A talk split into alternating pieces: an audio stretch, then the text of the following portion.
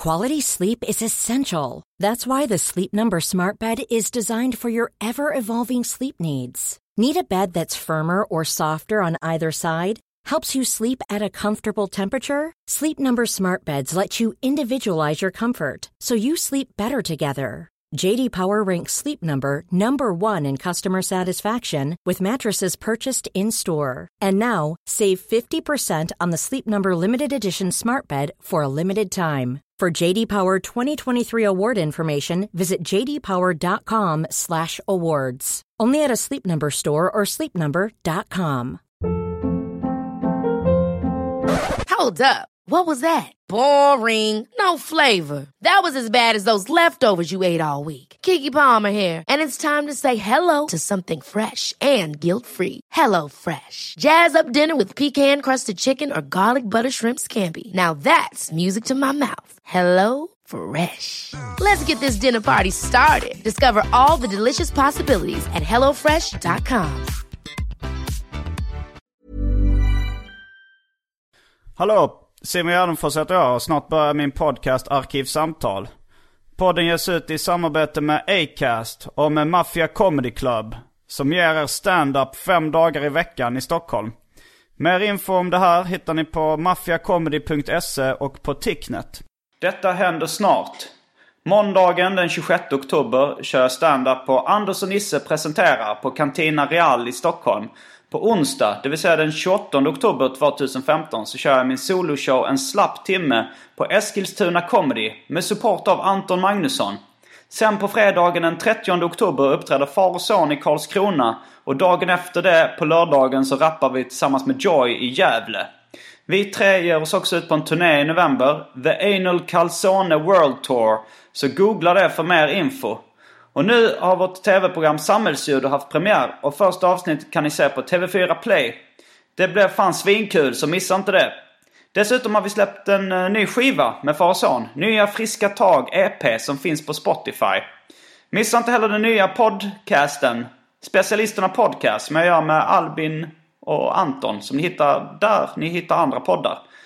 Och glöm inte att redan nu boka biljetter till min soloshow En slapp timme i Malmö den 18 december och i Stockholm den 20 februari 2016. Det är lång tid kvar, det vet jag, men se på vad som hände i Göteborg. Slutsålt väldigt snabbt efter att biljetterna släppts, så passa på att boka redan nu. Gå in på gardenfors.blogspot.com och klicka lite på länkar där och hitta biljetter och datum. Dessutom så blir det mer stand-up och rap-uppträdande i Malmö, Landskrona, Göteborg, Norrköping, Stockholm och Edsbyn. Datum och länkar med mer info hittar ni på min blogg. Följ mig på Instagram och Twitter för påminnelser, skämt och annat skoj. Där heter jag atgardenfors. Nu kommer Arkivsamtal som klipps av Mattias Lundvall. Mycket nöje!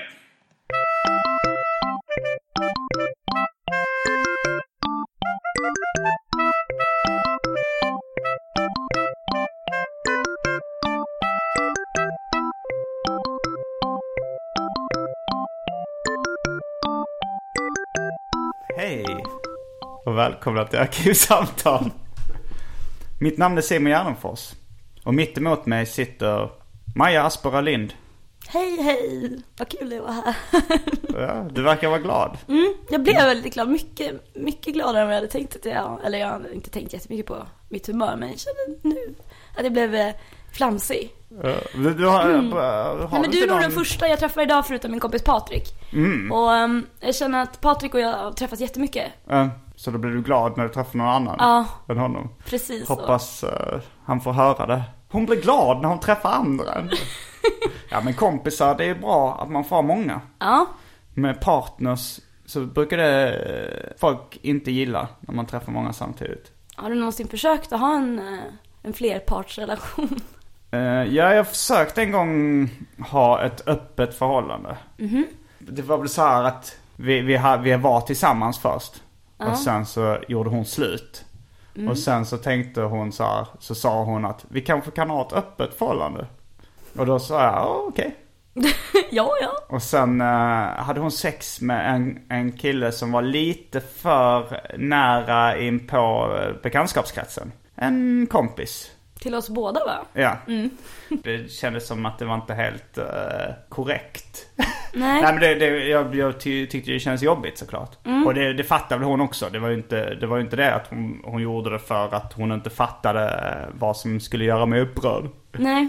Men det har, nu, vet, det har ju påverkat relationen. Jag, jag umgås ju knappt med någon av dem. Jag vet inte om det har någonting med det att göra. Nej. eh, just den grejen. Men det är ändå så här att, att vissa småsaker blir, ligger ändå och skaver lite uh, länge Ja, liksom. det där är kanske en, den där får nästan kanske inte ens kallas för småsak då. Nej, en stor. Mellanstor sak. Mellansak.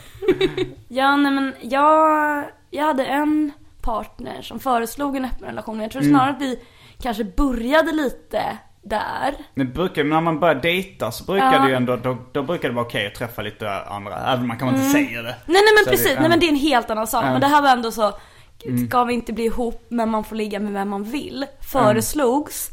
Eh, Jag smakade lite på det. Minns att jag skrev en, en helgondagbok som jag låste sen. Alltså det här är fan, jag var ju ändå 20 men det känns Ja. som att jag var 10. Och sen så minns jag att jag tänkte, nej. fan vad jobbigt. Ja men, ah, jag tycker det verkar stressigt. Jag, alltså jag är imponerad av folk som har en så stark sexual drift. Imponerad Ja, man bara att folk är vill. sprängkartor. Ja, man bara vill gå och jucka på allt liksom. Vad är det som imponerar dig med det? Nej men det tyder på så mycket livsglädje. Ja, Okej, ja. Nej men du vet lite som när man ser hundar liksom. Jag är inte imponerad av hundars kåthet. jag är tydligen det. Och vilja sådär mycket. Jag älskar ju vilja. Det spelar inte så stor roll vad folk gör. Uh, även länge om de det är en vilja att eh, hålla fanan högt för den ariska rasen. Ah, fan, jag, jag är ledsen. Nej men vadå, det är klart att jag inte tycker att det är bra men jag kan ändå imponeras. eh, av, Av att någon vill det så Jo. starkt.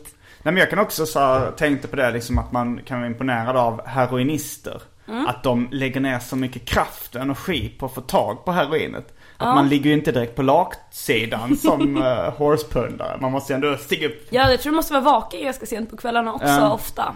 Folk som säger att droger är passiviserande. Det är inte heroinpundare. Får ett liksom driv, får ett mål i livet, får en fokus. Helt riktigt. Tror du att du har förlorat många lyssnare till heroinet? Som lyssnade först, som började med heroin och nu lyssnar de inte längre för att de är så upptagna med att jaga heroin. Nej, det tror jag inte. nu kastar vi oss in på det omåttligt populära insight Välj drycken.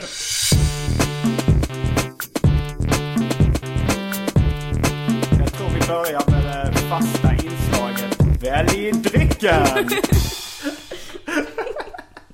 Jag, jag brukar ju inte sätta ner foten vad det gäller trams. Men man måste ju dra gränsen någonstans med.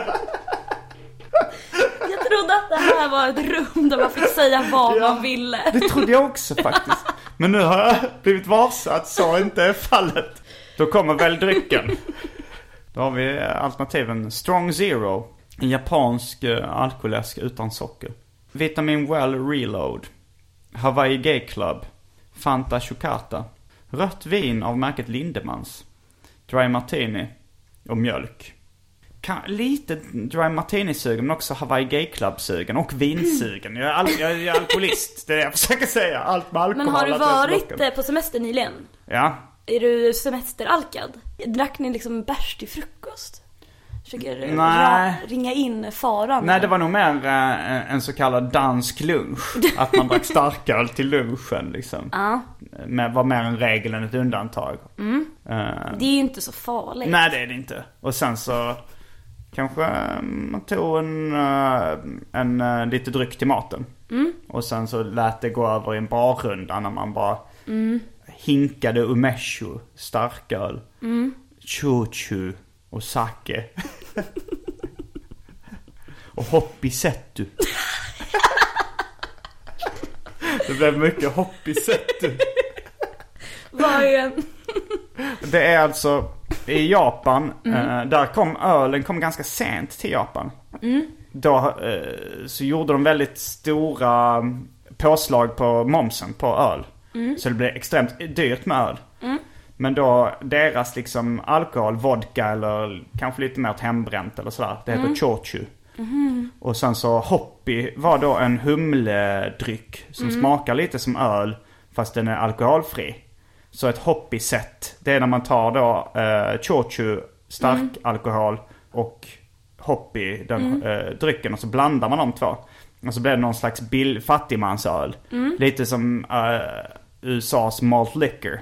Smakade det som sån eh, äcklig 10% öl? Nej, det, det var faktiskt gott, Hoppy Settu. Och de, de kan inte uttala, de, nästan alla japaner de lägger till ett U eller Å om det är konsonant på slutet. Jag hade en ryggsäck av eh, märket Granit. Och så var det någon eh, japansk tjej som tyckte den var snygg. Och så ville hon kolla vad det var för märke. Så han, Granitu. Det står ju bara granit med T på slutet. Men lägger till Granitu eller Hoppisetto. Eh, men det var, det var gott. Och New Era, kepsmärket. De gjorde ett samarbete med Hoppy. Att de skulle göra sådana Hoppy-kepsar. Som, uh, Hade nog velat ha en sån om jag hade... Var det en fin Hittat. logga? Mm, det är jävligt snygg logo, typ. Det fanns olika sorter. Men, Men eh, vart var ni då? I Tokyo? Ja. Ja, vi var i Tokyo. Alltså det finns ju så mycket att göra så det var nästan bara i eh, nordvästra innerstan vi hängde i. Eh, det vill säga vi bodde i eh, nära Shinjuku. Shinjukubo. Så vi var där. Shinjuku. Shinjuku. Shinjuku, så. hängde där, Harajuku, Shibuya, alltså just där. Mm. Nakano väldigt mycket där omkring också där. Det, det kallas Nördköping. eh, Otaku någonting. För att det, det finns ett sånt nördvaruhus där som heter Broadway. där man kan köpa samlarleksaker och sånt där. Mm. Som är lite mecka för nördar i Japan. Så att där hängde vi. Vi var, Mm. tre, vi var tre nördar. Det var Pike och Promander. Eh, men vi kanske ska välja dryck. Kan du berätta om vad den där uh, Hawaiian Gay Club? Hawaii Gay Club. Ja. Det är en del Malibu, en del Passoir och två delar citronjuice. Den är väldigt, väldigt god. Ja, Jag vill ha en sån. Okej. Jag vill också ha en sån. Och vin. Ja, ska vi ta en, en dubbel? Dagens dubbel, som vi så skämtsamt brukar kalla den. Eh, Då är vi strax tillbaks med dagens dubbel.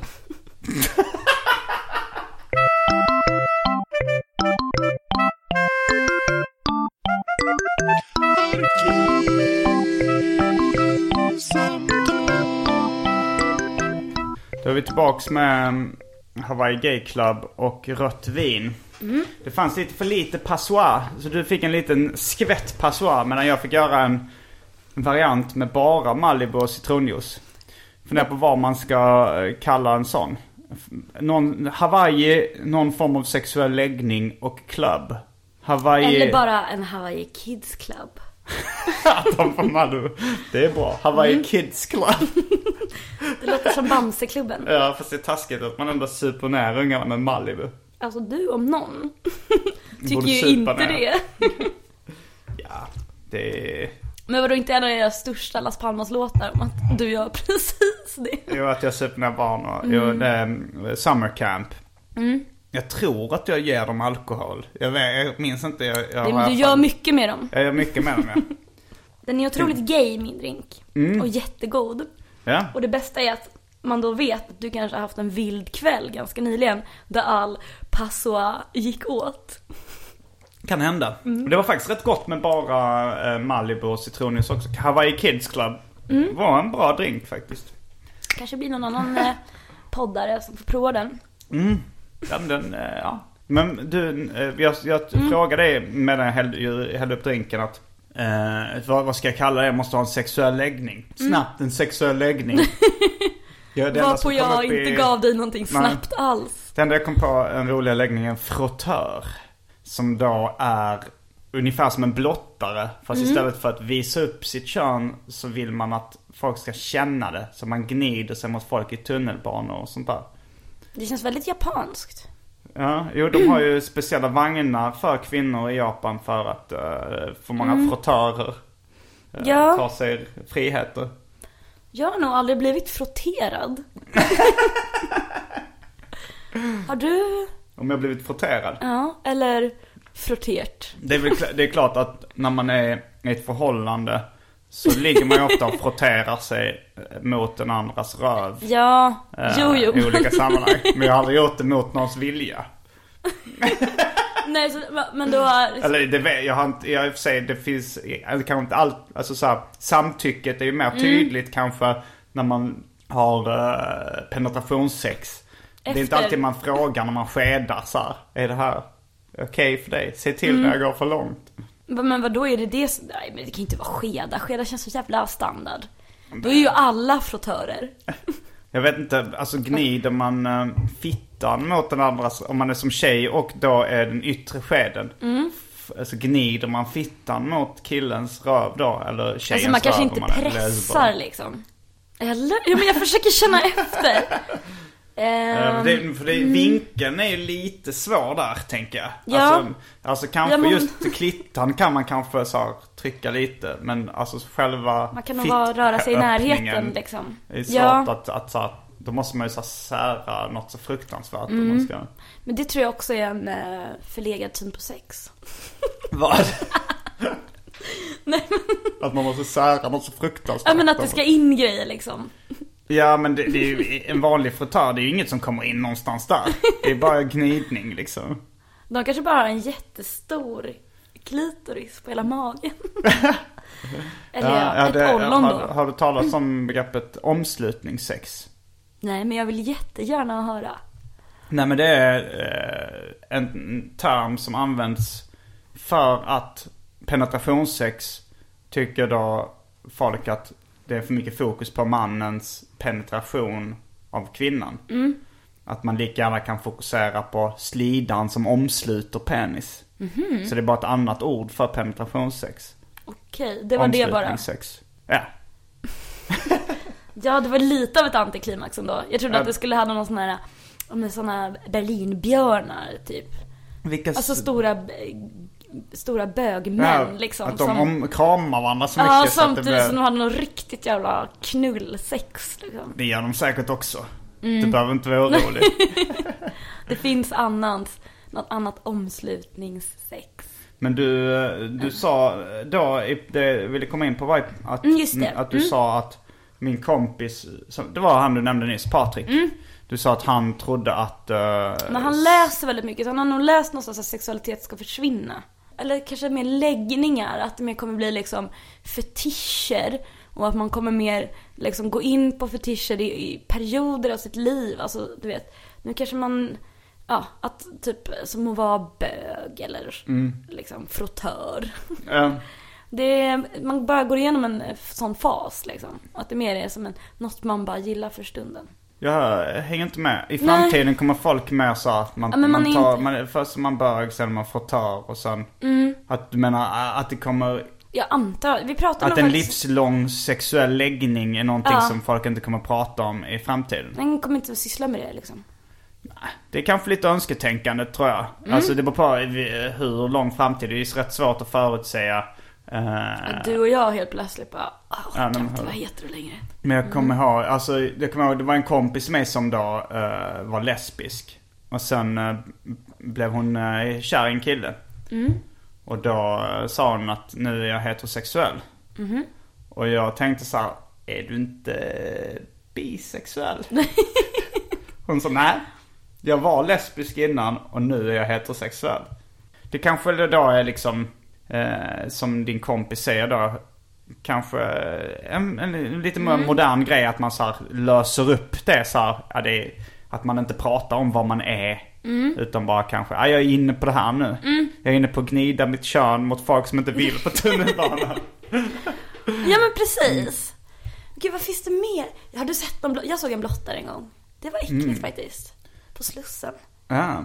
Eh, en som stod och liksom runkade sakta i ett hörn och tittade på en.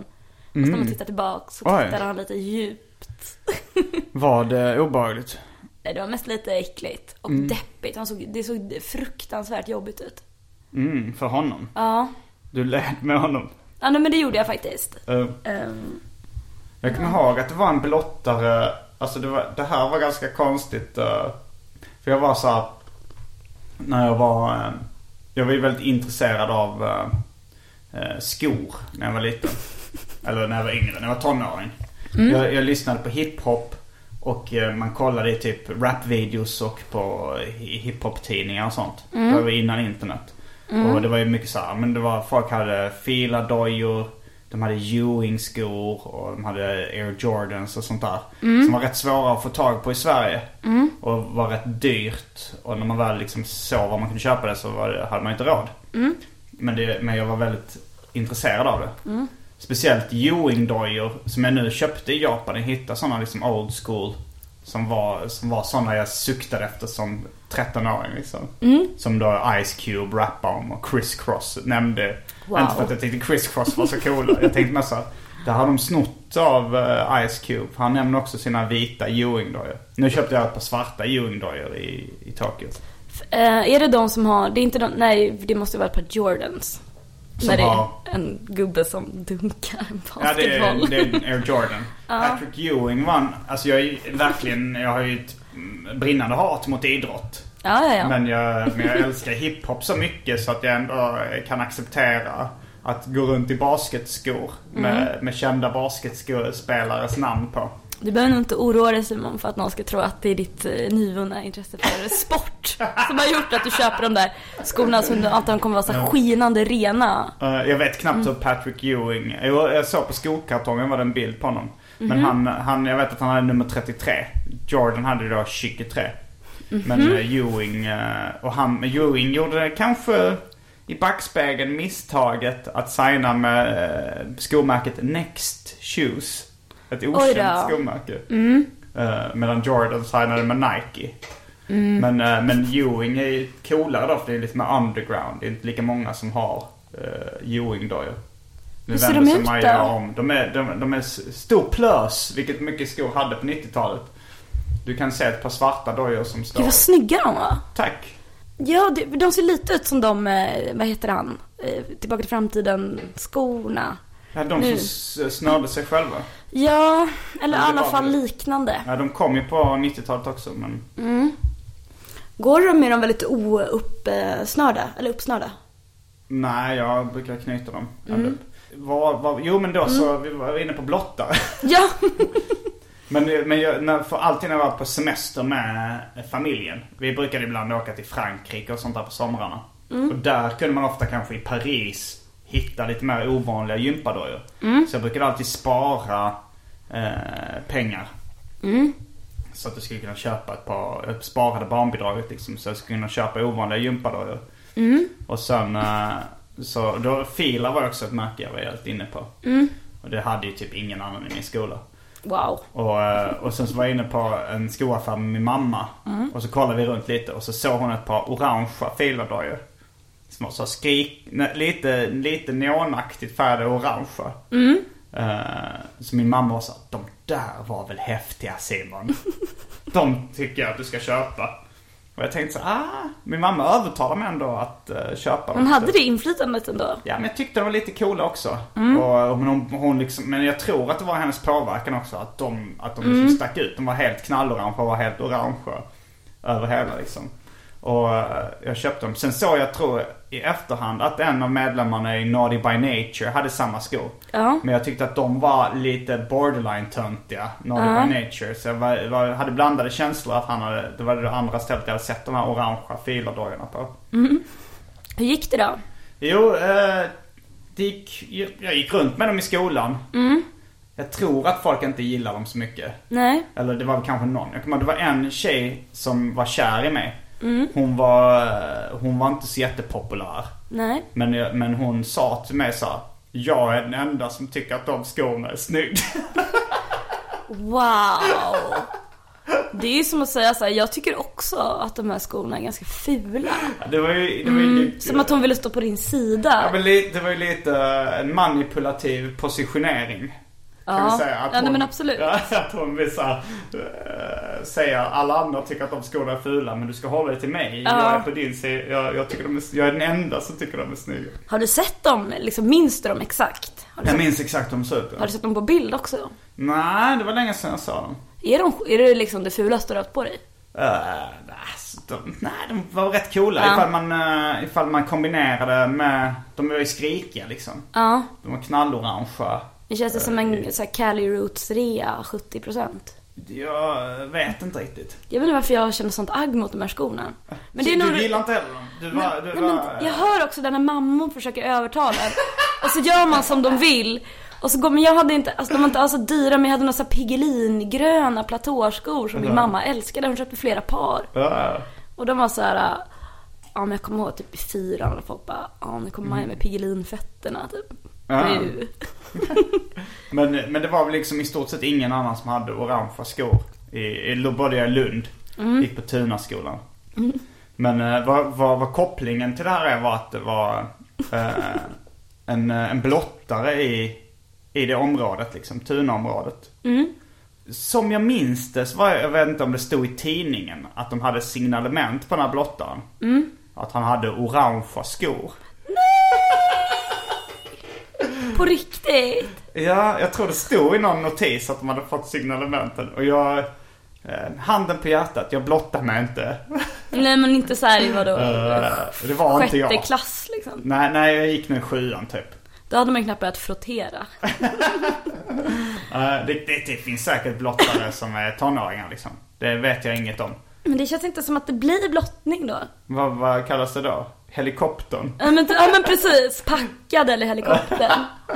Eh, men, eh, men jag tänkte så här, hoppas Mm. ingen kommer misstänka att det är jag nu för att jag har orangea dojor. Tänk om det sitter någon sån eh, GW Persson nere i Lund och börjar koppla ihop dig med, med det här 25 år gamla fallet. Men, Ja. men samtidigt, blottning är ju intressant för att jag tror, alltså jag vet inte hur, hur mycket det har med könsroller att göra och så här, Men jag tänker att om jag hade varit 14 och sett en kvinna som visar fittan eller en man som visar kuken för den delen.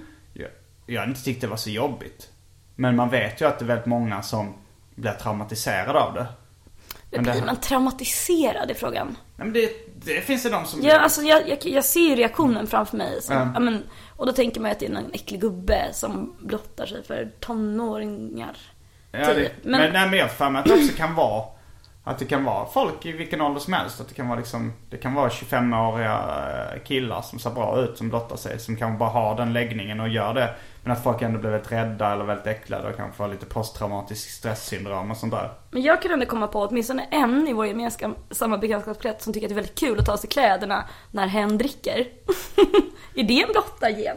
Jag vet inte. Jag, nu, min första mål med mina tankar var att komma på, vem är det? Jag kommer inte på det nu. Eh, Nej. Men, men, det, men det finns ju folk som gör så. Alltså, Man märker, det finns ju vissa som vill. En kille i uh, seriefandom som var känd för att han brukade ställa sig, alltså istället för att pissa eh, mot ett träd. Så Ja. brukar han ställa sig med ryggen mot ett träd och pissa utåt liksom. Gud. Det är fan, det är sunkigt ändå. Ja. Det sänker ju kvällen rätt snabbt. Han har väldigt så här, stor kuk så han gillade att visa upp den och så att, ja, han gillade att visa, alltså så han var också sån som gillade att klä av sig naken. Och man tänkte nog att det var nog för att han ville att uh, ryktet skulle gå eller att folk skulle se att han hade väldigt stor kuk. Eh, status. Men eh, man, det är kanske inte det man tänker på när man vaknar dagen efter. Så, och, fan vilken härlig kuk liksom. Utan bara så här, fy fan. Johan ställde sig och pissade typ på mig. Med hela sin kuk framme liksom. Ja, det, han pissade inte på folk. Men jag tycker att det låter som att han måste stå ganska nära. Nej, jag tror Ja. det kan vara en missuppfattning. Han tänkte nog att det skulle vara attraktivt. Eller så här att han tyckte, det, det kan vara kul att vara lite gränslös. Och sen så kanske det är lättare att vara gränslös med sin nakenhet om man har en stor kuk. Alltså så att man, man, man inte skäms. Ja, men det tror jag. Så, att, eh, ja, så det var nog mer det än att han tänkte det här kommer leda till att folk blir mer attraherade av mig när jag visar upp. Nej men precis, någonstans i så här fylledimman också tänker man så här, Ja. det här kan vara bra för mig. bra för min sociala profil. Ever catch yourself eating the same flavorless dinner three days in a row? Dreaming of something better? Well, HelloFresh is your guilt-free dream come true, baby. It's me, Kiki Palmer. Let's wake up those taste buds with hot, juicy pecan-crusted chicken or garlic butter shrimp scampi. Mm. Hello Fresh. Stop dreaming of all the delicious possibilities and dig in at HelloFresh.com. Let's get this dinner party started. Life is full of what ifs. Some awesome, like what if AI could fold your laundry? And some, well, less awesome, like what if you have unexpected medical costs? United Healthcare can help get you covered with Health Protector Guard fixed indemnity insurance plans. They supplement your primary plan to help you manage out of pocket costs. No deductibles, no enrollment periods, and especially no more what ifs. Visit uh1.com to find the Health Protector Guard plan for you. Millions of people have lost weight with personalized plans from Noom, like Evan, who can't stand salads and still lost 50 pounds. Salads, generally, for most people, are the easy button, right? For me, that wasn't an option. I never really was a salad guy. That's just not who I am. But Noom worked for me. Get your personalized plan today at Noom.com. Real Noom user compensated to provide their story. In four weeks, the typical Noom user can expect to lose one to two pounds per week. Individual results may vary. Jag vet inte, jag, har du känt att du har någon konstig sexuell läggning någon gång? Eh, inte speciellt. Nej. Jag, jag tror att eh, jag är ganska svennig i min sexuella läggning faktiskt. Det är ju alltid, eh, alltså de flesta döljer ju mycket av sina sexuella känslor. Och nekar till dem. Och tycker att en vanlig sund sexuell eh, sexualitet är pervers. Kan man ju få höra ibland. Om man är ärlig med den liksom. Ja. Om jag berättar om mina sexuella tankar och känslor. Som jag tror de flesta med, delar med mig. Så, så tror jag att vissa tolkar det som liksom en överdriven sexualitet. Jag vet inte. Uh. Men vadå att du är översexuell då eller? Ja, det, det, det är nog periodvis. I, i, i, alltså så att jag kanske onanerar oftare än, än folk i allmänhet. Men det är också, jag vet inte om, om det är bara att folk inte erkänner att de gör det ofta. Men sen går det väldigt mycket perioder för mig. Jag har mina sprängkåta perioder. Och så, så har jag lite mer perioder där jag inte är speciellt uh, kåt av mig. Liksom. Ska jag säga att du var i nu? Nu är jag nog inne nu är jag på en ganska sund nivå. Det, men- Höstfrisk nivå. Höstfrisk nivå. ja, nej men jag, men jag vet, jag vet inte riktigt. Själv då? Jag har börjat dejta nu. Mm. Jag tycker att det är skittråkigt. Jag, nej men jag har nog aldrig varit så här ointresserad av... Eller, eh, men du dejtar inte någon eh, alltså så regelbundet eller? Du dejtar lite olika? Inte efter idag. Okej. Nej men jag har provat lite. Men det funkar inte. Jag har nog aldrig varit så här... Alltså, Har du men, provat Tinder? Ja. Men någon av dem har, varit, har varit tindrare. Ja. Men det var kul. Det var jättekul tills man skulle typ börja hångla. Mm. Eh, Smakar det äckligt? Ja men lite. Nej men jag skulle, jag skulle verkligen vilja, jag skulle tycka att det var väldigt kul att vara en sprängkåt period. Men, eh, och jag gissar att kanske nästa sommar, då kommer det juckas. Det kommer frotteras. ja. Ja, det, alltså, alltså jag kan verkligen bli jävligt peppad på hela den grejen. Att man är så jävla i behov av att gnida sin fitta mot något. Men det, det är lite så jag märkte Ja. en dipp i min sexualitet vid 30 års ålder. Nej, det är så alltså. Ja, just när jag fyllde 30. Alltså nu är jag ju 37 och ett halvt. Det kommer tillbaka alltså. Alltså det går ju, det går ju upp och ner. Men jag menar, jag var ju betydligt oftare inne i en riktigt sprängkåt period innan jag fyllde 30. Ja. Det har, det har uh, mattats av lite. Men samtidigt så, så var jag nog lite kåtare än folk var i allmänhet innan dess. Nu kanske jag mer är på en normal nivå skulle man säga. Alltså jag kan ändå tänka att alltså, när jag var yngre då fan skulle jag nästan kunna knulla vad som helst liksom. jag känner inte det längre tyvärr. Men jag saknar det lite. Det handlar ju också om det här drivet liksom. Ja, Att eh, man har blivit lite lat. Och det tycker jag är jävligt oattraktivt. jag vet inte Gå men... hem från fester. Sitta i soffor. Jo, det, det är ju som heroin som vi nämnde innan. Ja, Att det man är fan ju- som heroin. ja, Att man har ju ett riktigt, man har ju ett fokus ofta. Mm. Att jag kan ofta, alltså jag kommer ihåg att om, om jag ofta, innan blev trött på en fest. Om, om då någon eh, tjej visade intresse Mm. som jag var attraherad av. Då kunde jag bli så pigg och stanna uppe hur länge som helst. Och vara så här, Mm. Ja, jobba på det liksom. Eh, Det är ju en stark känsla. Ja det är det ju. Och, eh, men samtidigt så, så tycker jag det är lite skönt att, att kunna fokusera på annat. Att så här, eh, jag, vet, jag vet inte om det, det här tror jag vi har diskuterat innan. Men, men, men jag upplever att det kanske är en eh, starkare grej hos killar. Ja. Att direkt efter man har kommit så blir man totalt ointresserad av sex. Eh, Jo men det kan jag förstå. Mm. Lite. Eller den har man ju upp, snappat upp. Så såklart det kan hända en själv också. Men inte lik, det kan nog vara lite mer fysiskt för en Ja. kille. Alltså om man kommer och så är man klar så är det väl att man absolut inte vill att det ska fortsätta. Men man kan också, man kan komma flera gånger. Ja det kan man göra. Och man kan vara, li- eller man kan vara lite men, men det brukar vara, det är en markant skillnad liksom. Och då tycker jag ibland det är så här, eh, att man kan fokusera på sina andra intressen. För då har man inget som distraherar direkt heller så här, att Nej. Jag kan till och med ibland när jag eh, så här, ska kolla på en tv-serie. Eh, så här, onanera innan. För att jag inte ska liksom tänka på sex. Så att jag kan ha full fokus på. Speciellt ifall det är liksom en, en tv-serie med, med snygga personer i.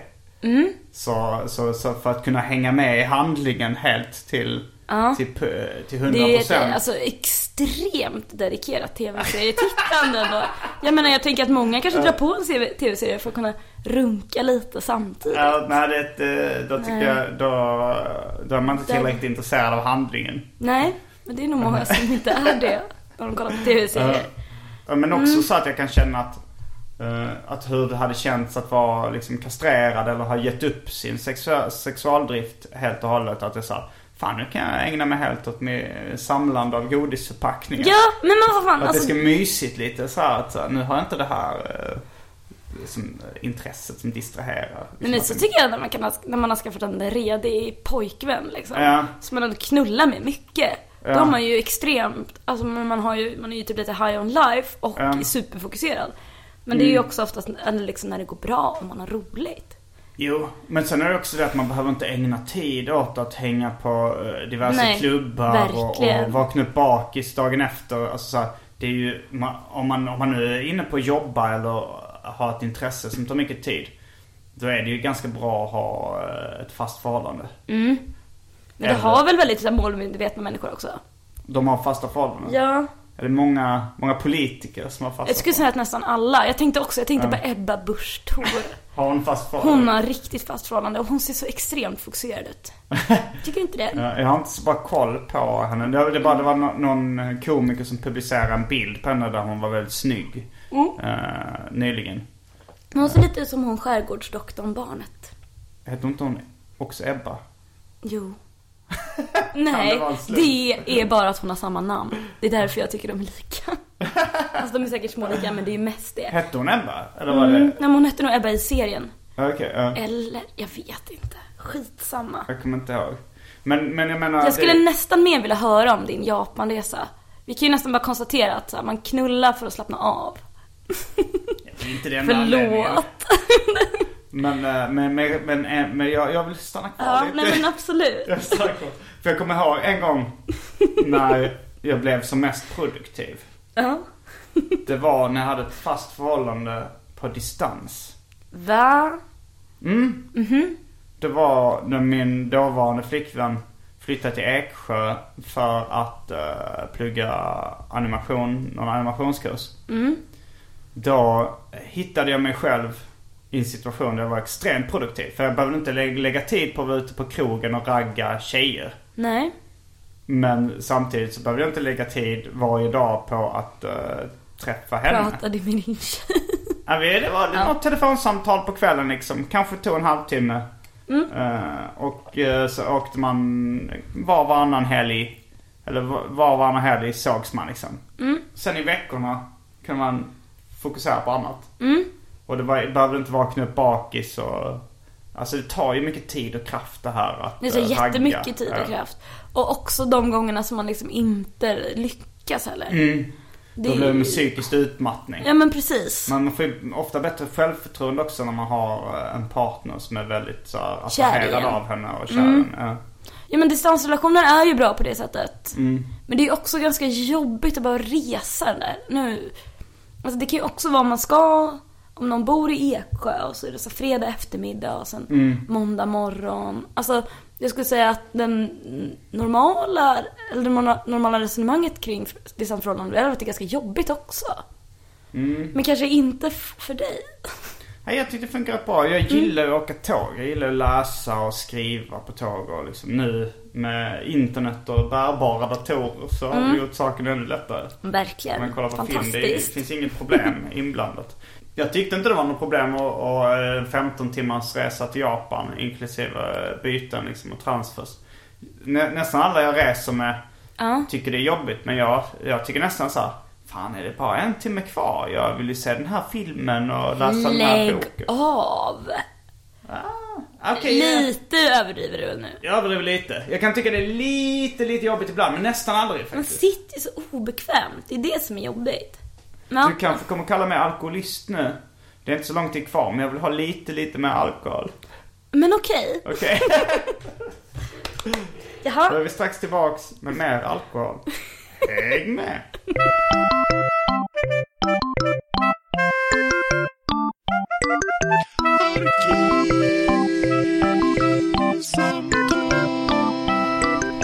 Vi är, vi är nu tillbaks Mm. med, jag har jag har tagit en Hawaii Kids Club till och um, Jag Maja har tagit lite med vin. Mm. Och vi pratar lite om eh, planerna för den här, denna torsdagskväll. Man Ja, ser ju genom persiennerna här att det ser ut att vara en fin kväll. Det är det och du um, börjar locka lite med Gratis event. och sånt som jag gillar. Mm. Förra gången vi såg så, så var du lite packad. Du nämnde det också. Det var jag skulle Jag köra var- stand-up eh, på Brooklyn Brewery. Ja, jag hade Och du- peppat ganska hårt för det här också. Ja. Jag bara, men Simon, han är... Vi gör podd, det är roligt. Mm. Han brukar, ah, man brukar alltid fråga om han kan spela upp något. Han säger kom på min show. Spela upp något. Nej men att du ska dra ett skämt från Jaha, dina... ja, ja. En eh, liksom... Mm. Eh, och du säger alltid nej. Och då kändes det som att det var ödet. Och eh, den här Haben som jobbar på Brooklyn, och han är så trevlig. Mm. Ja. Det fanns ingen anledning till att vi inte skulle komma dit. Nej. Sen så, förutom att eh, vi var så, blev så fruktansvärt fulla, stormade in kanske halv tolv, elva. Halv var elva. Långt efter showen var slut i Mm. alla fall. Och, jag, och, och det var så här, vad är det? Men alltså, det kändes lite som om ni skulle gått på bio. Hade ni inte kollat när filmen började då? Ja nej, men alltså det fanns ju inget att ursäkta. Det fanns ju verkligen inget. Det var, det var ju helt gränslöst. Den slutade ganska snabbt därefter men jag söp ju bort min hals. Alltså jag, jag bor ju liksom 100 meter därifrån. Jag lyckades ändå supa bort min halsduk och mitt paraply. Mm, oj. Ja, då är det, det är typ Ja. som att jag har slängt dem i vattnet utanför strand. Ja. Eh, men det var roligt att se dig. Men jag kan också säga att jag hade absolut en beskärd del av bakfylleångest dagen efter. Och just så här, vad sa jag? Hur, hur gick det? Alltså allt den där när man... Du var den enda jag träffade förutom de jag var med den kvällen också. Mm, mm. Ja, nej det var... Mm. Det, det var väl inte jätteotrevlig. Men eh, kanske... Var jag lite otrevlig? Nej men det var, jag var där, jag är där, jag, du träffade min flickvän där. Och det var så här, det var inte jättetrevlig mot henne. Skojar du? Jag minns inte. Gud vad hemskt. Du får be, du, ja. Oh, oh, oh.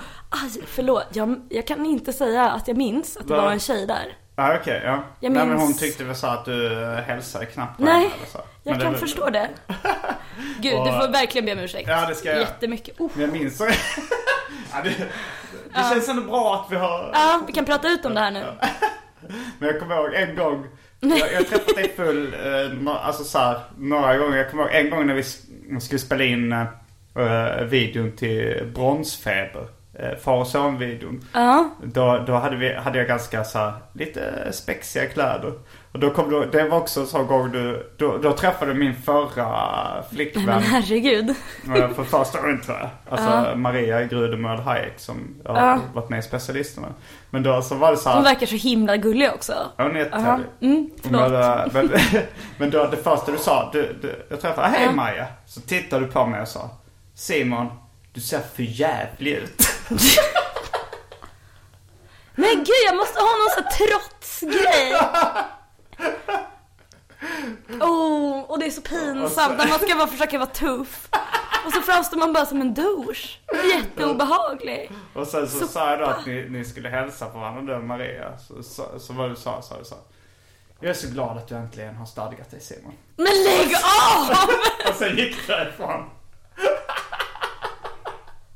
Herregud.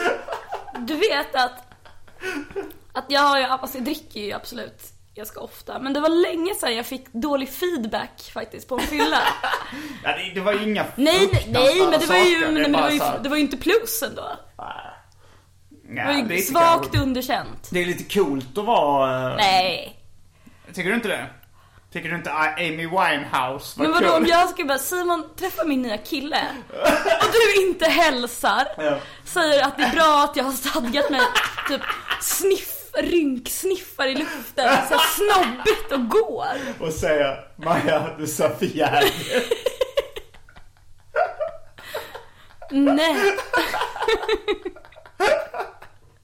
Du kommer ju nästa gång du ser och bara, ser hur jag typ tappar halsduken på marken, förstår läget, då kommer du bara vända och gå. Ja men det är ju samtidigt Ja. lite kul. Ja. Det, det är ju så Det är odrägligt. Det är, Mm. men ja. Dåliga beslut ger bra historier, kan vi sammanfatta det med. Ja men, ja men absolut. Men också, oh. Ja. Nej. Men uh, Kan inte du berätta, har inte du snedfyllat nyligen? Om jag har nyligen? ja. Nej, jag, det, Har du kan varit lite otrevlig mot någon? Snälla. det, är väl, det är väl lite, alltså så jag var ju nu i Japan med, med Pike och Bromander. Mm. Två av mina tecknande kompisar. För ett tag sedan så drack jag, eh, nu säger jag ju eftersom du kanske var med under den perioden. Att jag Mm. drack väldigt, väldigt mycket. Att jag eh, blev aspackad. Jag har trillat här i lägenheten och skrapat upp ryggen mot liksom strukturtapeten där ute så att jag får liksom fått tvätta blod från Jag tänkte väggen. precis, det sitter DNA-prover på väggen. Ja det gör det. Och jag har även vaknat upp med ett st- stort sår på axeln. Liksom, vad, vad fan kom det här? Och sen så har jag sett någon, den har jag monterat nu, ner nu med en metall, metalllist som satt liksom på, på väggen. Som jag förmodligen då bara trillat på fyllan utan att komma ihåg det. Och skapat upp ett stort köttsår liksom på axeln. Eh, Det låter farligt faktiskt. sådana grejer har jag gjort väldigt mycket under tidigare period. Men tills jag kom på så här, att vad, det finns kanske ingen direkt poäng med att bara fortsätta supa så mycket man kan tills man däckar. Nej. Att jag kom på det att jag kanske kunde, så här, när jag känner mig lagom full, så kan jag börja dricka lite långsammare. Det känns som en självklarhet för många men det var ingenting som jag hade kommit på Nej. förrän... eh, och och när jag väl kom på det så bara så okej men då gör jag det. Och sen började jag, började jag dricka mindre och tänka så att, men det är jobbigt att vara bakfull för ofta. Liksom, jag kan, jobbar inte så bra när jag är bakis. Jag blir på dåligt humör och så här. Så att jag, jag har börjat eh, dricka med måtta. Ofta liksom. Att jag tar ett par öl. Det är rätt skönt att jag slipper den här uh, nykter alkoholist-grejen. Att man måste vara helt nykter eh, eller Eller supa sig- superfull. Eller liksom, ja, göra saker man ångrar hela tiden. Jag söp ju alltid bort mobil och plånböcker. Liksom, det var ofta flera i månaden. Mm, det har man inte gjort faktiskt på Nej. så länge. Så nu är det ofta så att jag tar, nej, på vardagar kanske en eller två öl. Och på helger fem. Liksom, alltså så. Och, Mm. Är det och fem? Mm. sen stannar där. Och det, och, ja, kanske ännu mindre. Ibland tre. Eller ibland något sånt där. Ja, Och det, det känns ju rätt bra. Och, det låter jättesunt. Jo det är det ju. Men, men samtidigt så var det ju så nu när vi var i Japan då så söp jag till lite mer. Jag blir inte riktigt lika full när jag är på semester heller. Nej. Jag tror det är, och, inte, och speciellt inte lika bakis. Jag, jag har hört att det kallas uh, travelers high. Att man har så mycket endorfiner och så mycket dopaminer eller vad det heter. Så att man, Ja. så att man liksom inte blir bakis och kanske inte blir så full heller. För att man är Nej, så, man, men så orkar man är vara vaken också Ja. hur länge som helst. Att det mer handlar om det. Eh, men, men sen så Pike då som han, han tyckte så här, Fan du dricker ju mycket nu. Så jag, ja men det, så här, jag behöver ju inte upp och jobba imorgon. Jag var på semester. Och då så erkände han att han och vår gemensamma kompis Jocke Boberg hade liksom stört sig på att jag söp så jävla dåligt. Så att de hade snackat så här, han super så jävla dåligt alltså. För att jag tar de här två ölen Ja, liksom. nej, men det är ju lite på bekostnad av superkompisarna. Ja det är ju kanske det. Men, men vad fan, det är ju också bara jävla... Folk som vill bli fulla, de kommer alltid hitta någon att vara med. Alltså vad... Nej men det är så, så jag tycker inte man ska behöva bjuda på den grejen. Det är ju jättejobbigt att vara bakfull. Jo, jag kommer ju inte, Mm. jag kommer inte uh, supa till rejält för att uh, jag, vad mina och kompisar... Boberg ville. Boberg, för att de var de till Mm, lags. Simon, drick då. Nej men jag ju jättesvårt att säga nej. Ja. Alltså jag har ju sådär, jag tycker att det är så kul när någon bjuder in en eller vill att man ska vara med. Mm. Så jag känner ju jättestarkt det där. Alltså att jag, jag, jag reagerar så starkt på just att så här, men de vill ju bara att jag dricker. Ja. Typ. Eh, så jag, jag tycker verkligen att eh, någon annan kan ta den pucken nu. Mm. Nej, Vi jag har har gjort också- vårt. Ja det har vi kanske. Mm. Jag vet inte, det är kanske lite, men alltså jag har ju också mitt knarkande. Mm. Det är, det har ju, alltså så här, jag, när vi spelade in många av de tidiga Las Palmas-låtarna och sånt. Mm.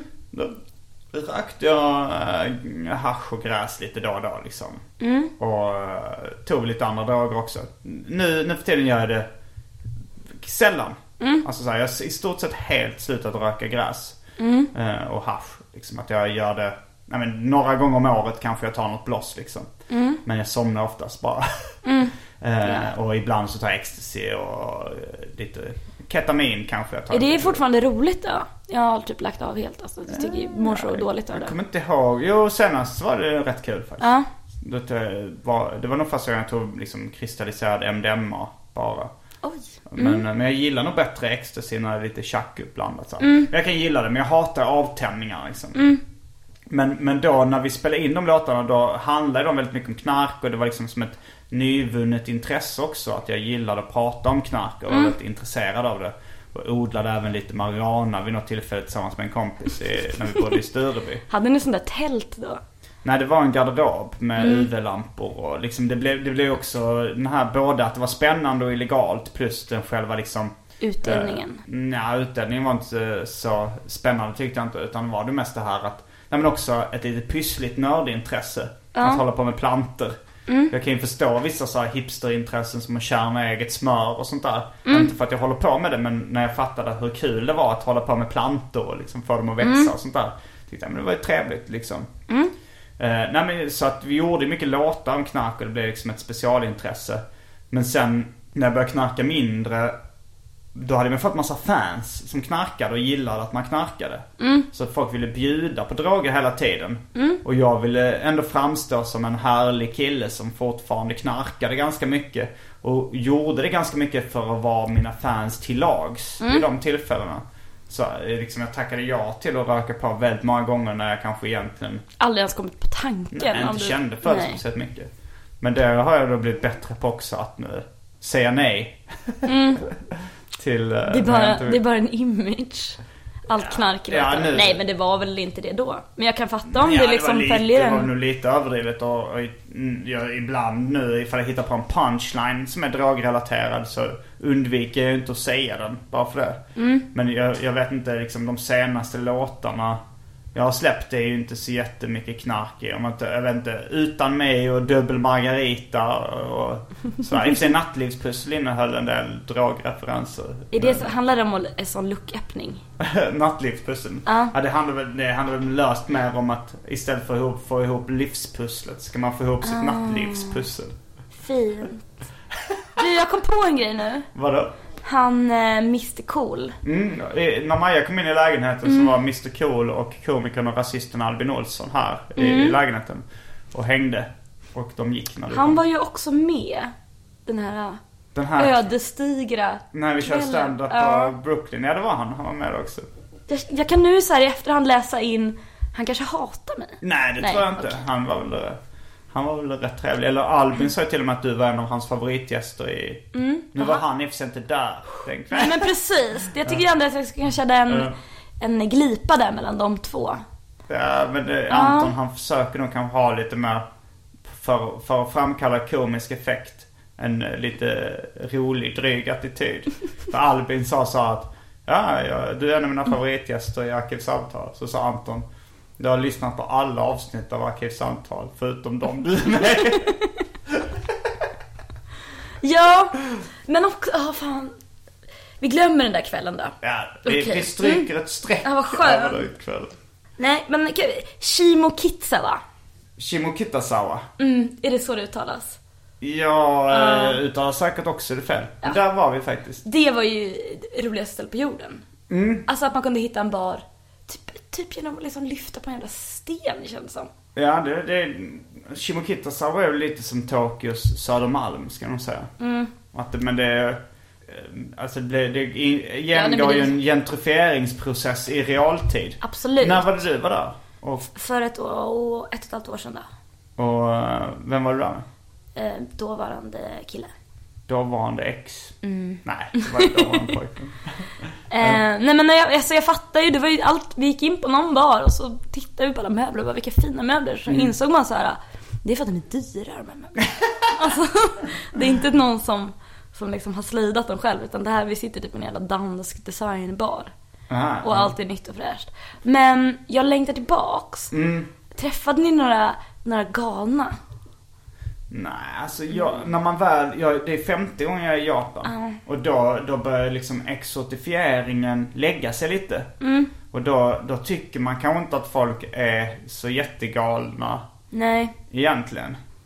Men jag Eh, förstår. Utan att det kan vara mer folk som är lite flippiga. Man, eh, Ja nej, men jag förstår vad du menar. Mm. Men mer bara att de är så gulliga. ja de är snälla. Ja, De, ni- det är väldigt, det är väldigt eh, en väldigt, uh, och, alltså så här, en vänlig kultur i allmänhet. Mm. Men, eh, men jag längtar ju tillbaks in i helvete också för jag sa, nu har jag fått smak på vissa ramen. Ja. Vissa nudelställen. Mm. Som jag var så här, att jag, nu- alltså jag, jag kom på mig själv idag med, alltså Giro Ramen är ett ställe som jag käk, jag käkade i och för sig bara två gånger där nu under den här veckan. Mm. Men det är sånt där att jag kände lite, lite den här känslan, hur ska jag kunna leva utan det här nu? Mm. För Vad det- var det som var speciellt? Alltså första gången jag, jag hörde talas om det var Det finns tidiga avsnitt av Arkivsamtal som heter Mat i Japan, del 1 och del 2. Eh, och då, då så är det två svenska killar som bor i Japan. Eh, som är matnördar liksom. Riktigt, riktiga Ja. matnördar. Och de hade jag med i podcasten. Och de pratade lite om, om liksom den nudelkulturen. Att det finns eh, salarymen, liksom kontorsslavar. Som brukar käka ramen på lunchen eller efter jobbet. Och att de är väldigt liksom nördiga och engagerade i det. Och så finns det en sån hemsida som jag tror bara är på japanska. Men där olika salarymen eh, bedömer liksom ramenställen i Tokyo. Ja. Eh, och så bestämmer de eh, kanske liksom kvaliteten på nudlarna, kvaliteten på soppan, kvaliteten på tillbehören och så vidare. Och, och sen så fanns ett ställe som liksom dominerade, som låg i topp. Som heter då Ramen Giro. Ja. Som var en gubbe som hade ett ramenställe och hans lärlingar som jobbade där öppnade egna ställen också. Så att det finns kanske fem ställen i Tokyo eller något sånt nu. Ja. Och eh, de är så omåttligt populära liksom bland eh, businessmen eller salarymen. Och eh, första gången jag var där så var det så kö på 40 minuter. Och det var en sån sopnazi-stämning eller? Ja, och det, det är ett rätt sunkigt ställe. Det är liksom väldigt, eh, det är ganska smutsigt där inne, ganska sunkigt. Och första gången tänkte jag så att, ja det var, det var ganska gott men jag fattade inte hypen liksom. Eh, men eh, efteråt så var det så här, kände jag mig upprymd av känslan av att så här, Dels hypen gjorde att jag uppskattade lite mer. och sen så blev man så fruktansvärt mätt av det. Det är väldigt flottigt. Alltså soppan är nästan som uh, steksky liksom. För det är så mycket, det är, det är Va? väldigt mycket fett i den. Gud vad gott. Ja, Det lät äckligt men sen förstod man att det var gott. Ja, nej, men man, man gillar ju fett och salt liksom. Det, det är som att dricka chips, den soppan Ja. Oh. Eh, Vad var flottet då? Var, var det, vad tog du för Jag tror- protein? vad sa- jag tror att det är um, fläsk... Uh, förlåt. Fläsksky, tror jag det är. Uh, tonkatsu ramen tror jag det är. Mm. tonkatsu är någon fläskgrej. Men sen eh, fick jag lite smak på det. Jag längtade tillbaks till det. Och första gången eh, jag åt det nu så var det så jävla gott alltså. Det var, då var det så här, åh, man, man drack den där, det där flytande Juicen, fettet. Och de där nudlarna som hade perfekt kvalitet. Jag har inte, alltså jag gillar, i Stockholm brukar jag innan käka på ramen kimama som jag tyckte var väldigt gott. Innan jag käkade liksom ramen i Japan. För då, då så att det är som natt och dag. Att det bleknar väldigt mycket i jämförelse. Att det inte alls är lika gott. Men jag, men jag liksom åt, och det är så här stora portioner så man blir så mätt. Och jag fick efteråt, så jag vet inte, min mage klarar nog inte av så mycket fett. Jag Nej. fick en sån akut diarréattack. Alltså akut som är liksom tre minuter efter eller? Nej, det, vi, vi åkte sen till, här, till Broadway-varuhuset i Nakano. Ja. Eh, och där har de liksom bra offentliga toaletter. Men jag bara kände, det kanske var eh, 20 minuter efter, en halvtimme efter. Så var det bara, oj vad det... Mm. Nu är det kört. Men det är också väldigt gulligt Simon att du är helt säker på att det var för att din kropp inte klarade de här nudlarna. Utan istället, det kan ju varit att det var något dåligt. Liksom. det kan vara en bakterie. Ja, att de inte har tillagat någonting ordentligt. Men du ser upp till de här människorna så mycket. Att det är såklart att det är din kropp det är fel på. Ja, Nej, men det var, jo men jag tror också det var, för vi frågade om vägen till, eh, det finns lite, det här var i Shinjuku då, de hade en ramen gyro. Mm. Uh, vi frågade vägen, om man frågar eh, japanska män i skjorta så vet de ofta vad det är, för det är ganska känt band då, salarymen. Eh, Var det några salary women där? Nej, det, det är väldigt... Jo, det var Mm. kanske någon kvinna där, men det är väldigt mansdominerat. Det står till och med liksom att det är populärt bland män. Och sen så finns det ju den här eh, kulturen också att det inte är så, i, kanske speciellt utpräglad i Japan, att det inte är så fint bland kvinnor att äta inför män. Det finns till och med ramen, kan- ja, det. det finns till och med ramenställen som är liksom avskärmade där kvinnor får sitta i ett eget bås. Och så här, där, man, där Mm. man sitter som ett, som i ett liksom runkbås och käkar för att man inte vill att folk ska titta på en. Men jag kan förstå det. Men Ja. det är också så här lite dumt att Japan följer varenda jobbig, nervös, så här, lite jobbig grej man känner. Mm. Åh vad jobbigt att äta framför en kille. Ja men vi gör ett jävla bås. Istället för att bara, men en Ja. Men, men jag frågade, någon, vi frågade någon efter vägen då första gången vi Mm. skulle dit. Och så, så sa han så här, ah, ramen gyro, så kunde han vägen. Så, så Mm. frågade jag honom om han gillade det. Så, uh, när han sa, ah to be honest, too darky, too darky. Och darky var inget uttryck. Nej. Jag, och så darky? What, what does that mean? Cockroaches. Aha. Och sen insåg jag att eh, japaner ofta uttalar dar, dirty, Dirty, ah. dirty, säger de darky. För sen jag körde, Ah. jag var på st- en stand-up-klubb också. Körde faktiskt stand-up Vad i Tokyo? i Tokyo, på engelska. först. Wow! Och då var det en, eh, en japan eh, där Mm. som körde på engelska. Som pratade om, för de har ju så vatten, toaletter som sprutar vatten i röven i Japan. Mm.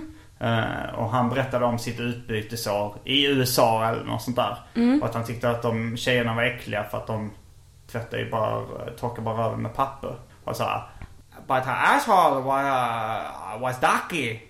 It was darky. Och då fattade jag att, Ja, att darky betyder dirty. It was very darky. Her asshole.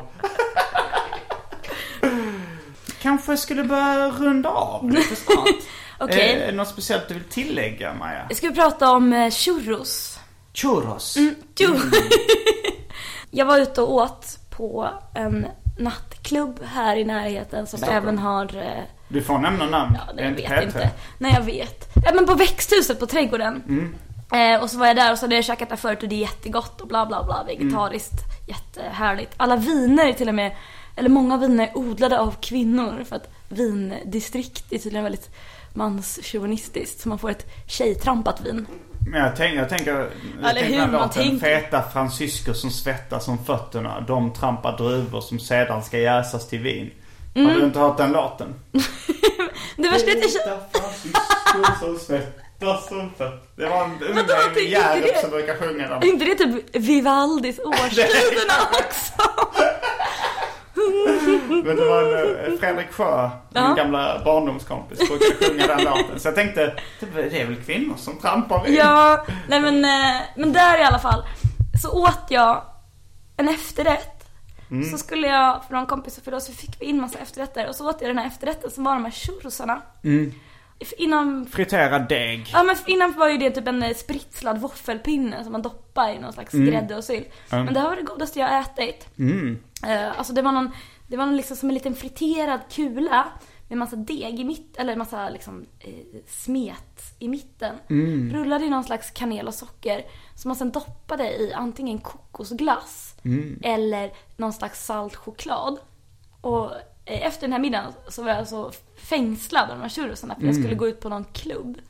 Och det, på den här klubben så var det här extremt hångelparty. Alltså jag har aldrig sett så mycket munnar mötas med så kort mellanrum. Mm. Eh, Vad var det jag, för klubb? Den var på F12. Mm. Jag vet inte, jag hade, det var första gången jag var där på sommaren. Ja. Eller den här sommaren. Men, men det var liksom, alltså folk ryckte igen, du vet. Mm. Tvånglet var Låg i luften. poppis. Ja, man fick, man fick liksom. Mm. men jag stod, jag hittade en kant som var precis lite högre än mig. Så jag kunde ställa mig under kanten så att ingen Mm. kom åt mitt ansikte. Och så ställde jag mig och riktade blicken ner i marken och bara tänkte på de här churrosarna. Mm. och nu på lördag så kommer jag få äta dem. Mm. För att jag har liksom en bekant som är bekant som är bekant med kocken. Oj, oj, oj. Ja, så nu på lördag kommer det bli churros i växthuset på trädgården. Och jag kommer vara där. Mm. Mm, jag är jätteglad att få prata om det här för det tar upp mycket tid av min tankeverksamhet. Ja. Om killar tar upp 3% tar churros upp 9. Mm, oj. Mm. Jag har ett ganska fint uh, churrosminne också Ja, faktiskt. få höra. Jag hade ganska nyligen startat bandet eh, Las Palmas tillsammans med Kalle Törn. Mm. Och eh, jag hittade, jag tänkte så här, ja, jag kollar på en restresa. Jag hade kanske lite ledigt från jobbet. Jag har jobbat med Egmont serieförlaget i Stockholm. Och så ses man, fan man kan åka till Las Palmas på restresor för rätt uh, billig penning. Och så sa jag till Kalle, ska vi inte åka dit? Så jag sa, ja men fan jag hänger med också. Så vi bokade en resa till, eh, man flög till Las Palmas men det var så här charter eh, sista minuten då. På sydkusten, Mas Palomas, Playa de Ingles. Men, men så att vi, men vi ville ju så hitta t-shirts där det stod Las Palmas och sånt för vi hade ett band. Men det fanns det inte så mycket för det stod bara Gran Canaria och Playa de Ingles på alla. Vi ville, vi, man landade i flygplatsen Las Palmas, sen blev man bussad direkt till liksom, s- sydkusten där. Men då så tänkte vi, men vi åker in till, eh, till eh, Las Palmas. Av någon anledning så var det, vi kom jävligt sent eller väldigt tidigt. Det var, jo vi kom nog extremt sent så det var liksom, vi behövde hitta, det var helt mörkt och tyst där. Så vi la oss och sov i någon slags rabatt där det var palmer. Eh, Vi la oss under någon palm, bara sov för det var rätt varmt. Man kunde sova under bar himmel. Ja.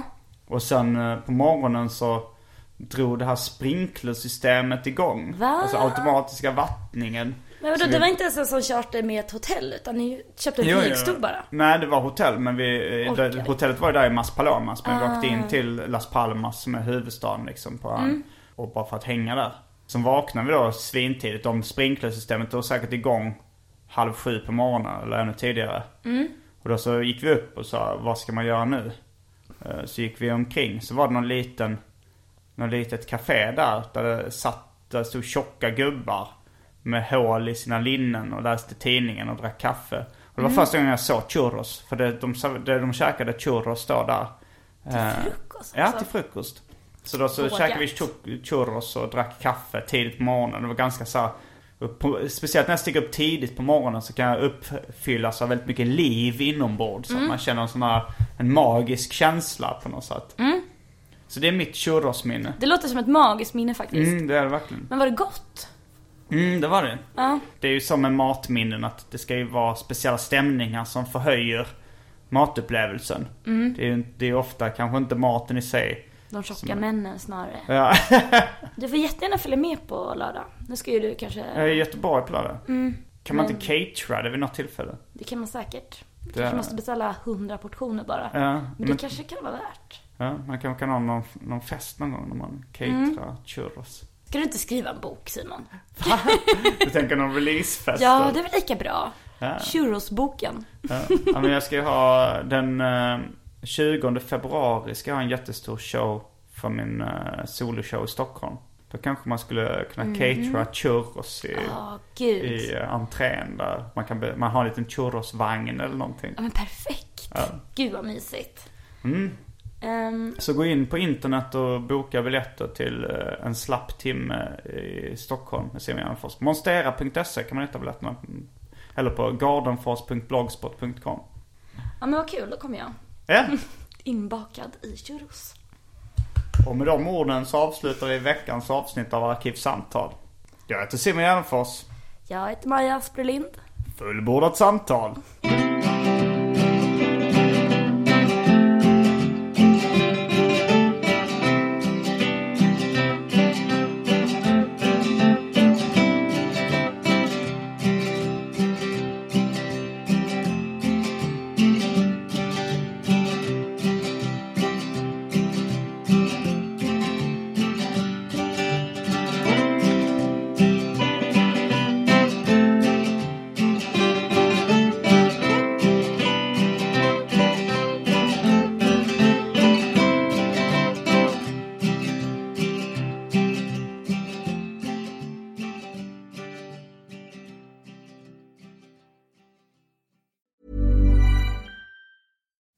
It's Danny Pellegrino from Everything Iconic.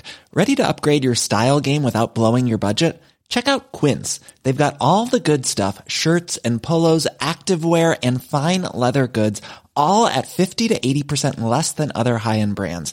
And the best part? They're all about safe, ethical, and responsible manufacturing. Get that luxury vibe without the luxury price tag. Hit up quince.com slash upgrade for free shipping and 365 day returns on your next order. That's quince.com slash upgrade. Even when we're on a budget, we still deserve nice things. Quince is a place to scoop up stunning high-end goods for 50 to 80% less than similar brands. They have buttery soft cashmere sweaters starting at $50, luxurious Italian leather bags, and so much more. Plus, Quince only works with factories that use safe, ethical, and responsible manufacturing. Get the high-end goods you'll love without the high price tag with Quince. Go to quince.com slash style for free shipping and 365-day returns.